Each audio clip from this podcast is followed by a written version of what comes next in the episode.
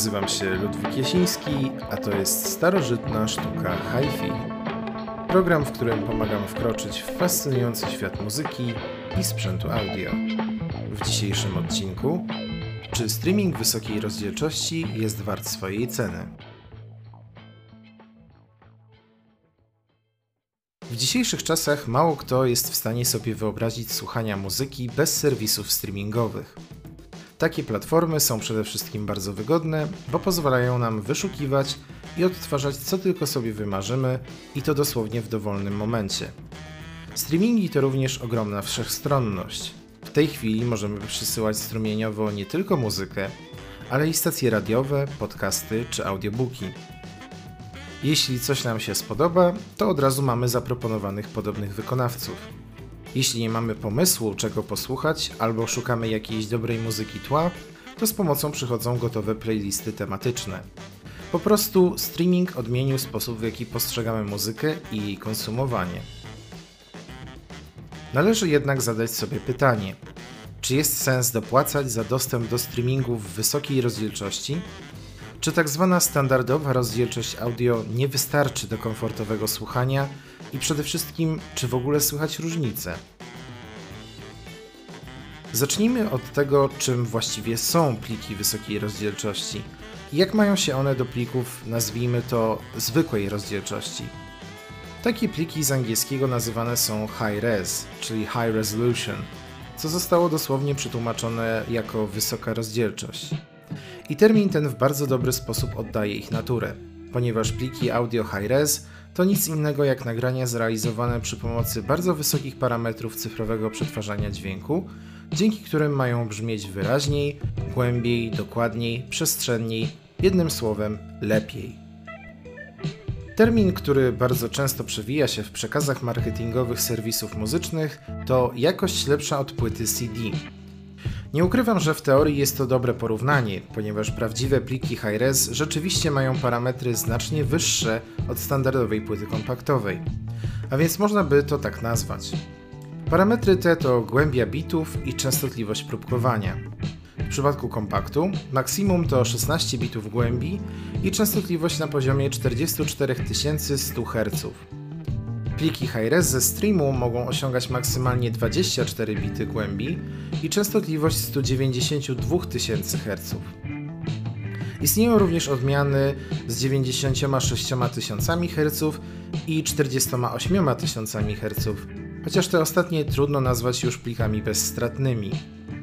Ich jakość jest po prostu zbyt podobna do tej ze srebrnych krążków. Istnieją oczywiście również formaty o znacznie wyższych parametrach niż wspomniane 24 bity i 192 tysiące Hz, aczkolwiek podczas strumieniowania muzyki z jakiegokolwiek serwisu nie uświadczymy niczego powyżej tych parametrów.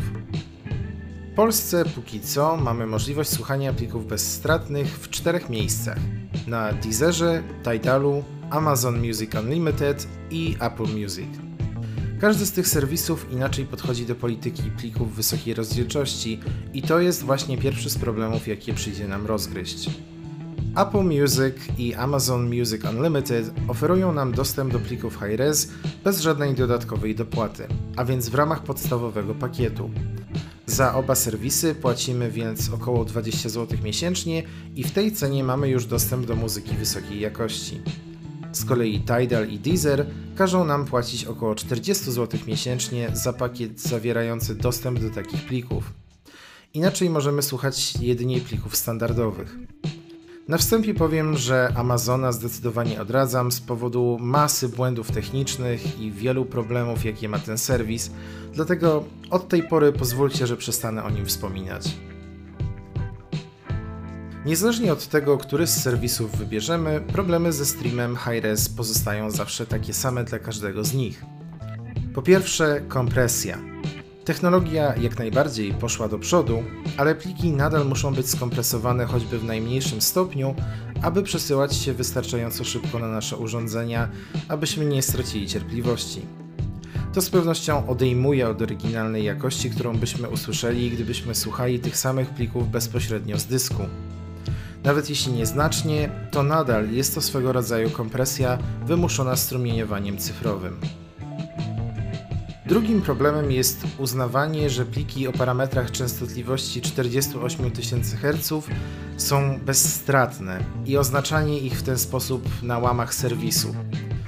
Mogę zapewnić, że różnica w brzmieniu pomiędzy takimi plikami a płytami kompaktowymi jest znikoma, jeśli w ogóle występuje.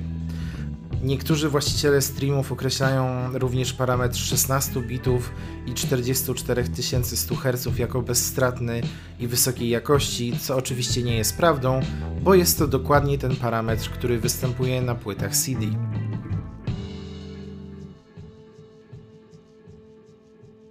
I wracamy do pierwotnego pytania: czy w ogóle słychać różnice? Jeżeli poszukujemy najprostszej i najszybszej odpowiedzi na to pytanie, to tak, zdecydowanie słychać różnice pomiędzy plikami zwykłymi a plikami wysokiej jakości. Takie wstawki wysokiej jakości mają znacznie czystsze i dokładniejsze wysokie tony, gładsze i cieplejsze środki oraz pełniejsze i głębsze basy. No i przede wszystkim większą i bardziej przestrzenną scenę muzyczną. Oczywiście, aby to stwierdzić, musimy posiadać wystarczająco dobry sprzęt, który będzie w stanie oddać ewentualne rozbieżności w brzmieniu, a także na tyle wprawne ucho, aby je wyłapać. Dlatego o tym, czy wysoka rozdzielczość jest dla nas, musimy zdecydować sami. Jeśli kochamy muzykę, ale na przykład nie mamy wystarczająco dobrego sprzętu, to możemy spokojnie nie dopłacać za tego typu streaming. Na szczęście producenci ułatwiają nam dobór produktów gotowych do odtwarzania takich parametrów, dzięki czemu nie musimy się znać, aby stwierdzić, czy nasze słuchawki czy wzmacniacz są w stanie odtworzyć dźwięk high-rezowy. Poinformuje nas o tym bowiem odpowiednie logo na opakowaniu i informacja w instrukcji obsługi. Ale dlaczego właściwie dopłacać za Tidala albo Deezera, skoro Apple oferuje to samo za połowę tej ceny? Dlaczego w ogóle płacić za streaming, skoro możemy posłuchać muzyki z YouTube'a albo Spotify'a? W przypadku tego pierwszego pytania wszystko rozbija się o jakość, w jakiej udostępniane są pliki na tych wszystkich serwisach. Niestety okazuje się, że te same pliki na różnych serwisach brzmią różnie. Testowałem każdy z tych serwisów sprzętem, który bez problemu radzi sobie z takimi parametrami i mogę stwierdzić jedno. Deezer brzmi zdecydowanie najmniej przyjemnie. Dźwięk jest tam zdecydowanie zbyt zbasowany i dudniący. Tidal brzmi najlepiej.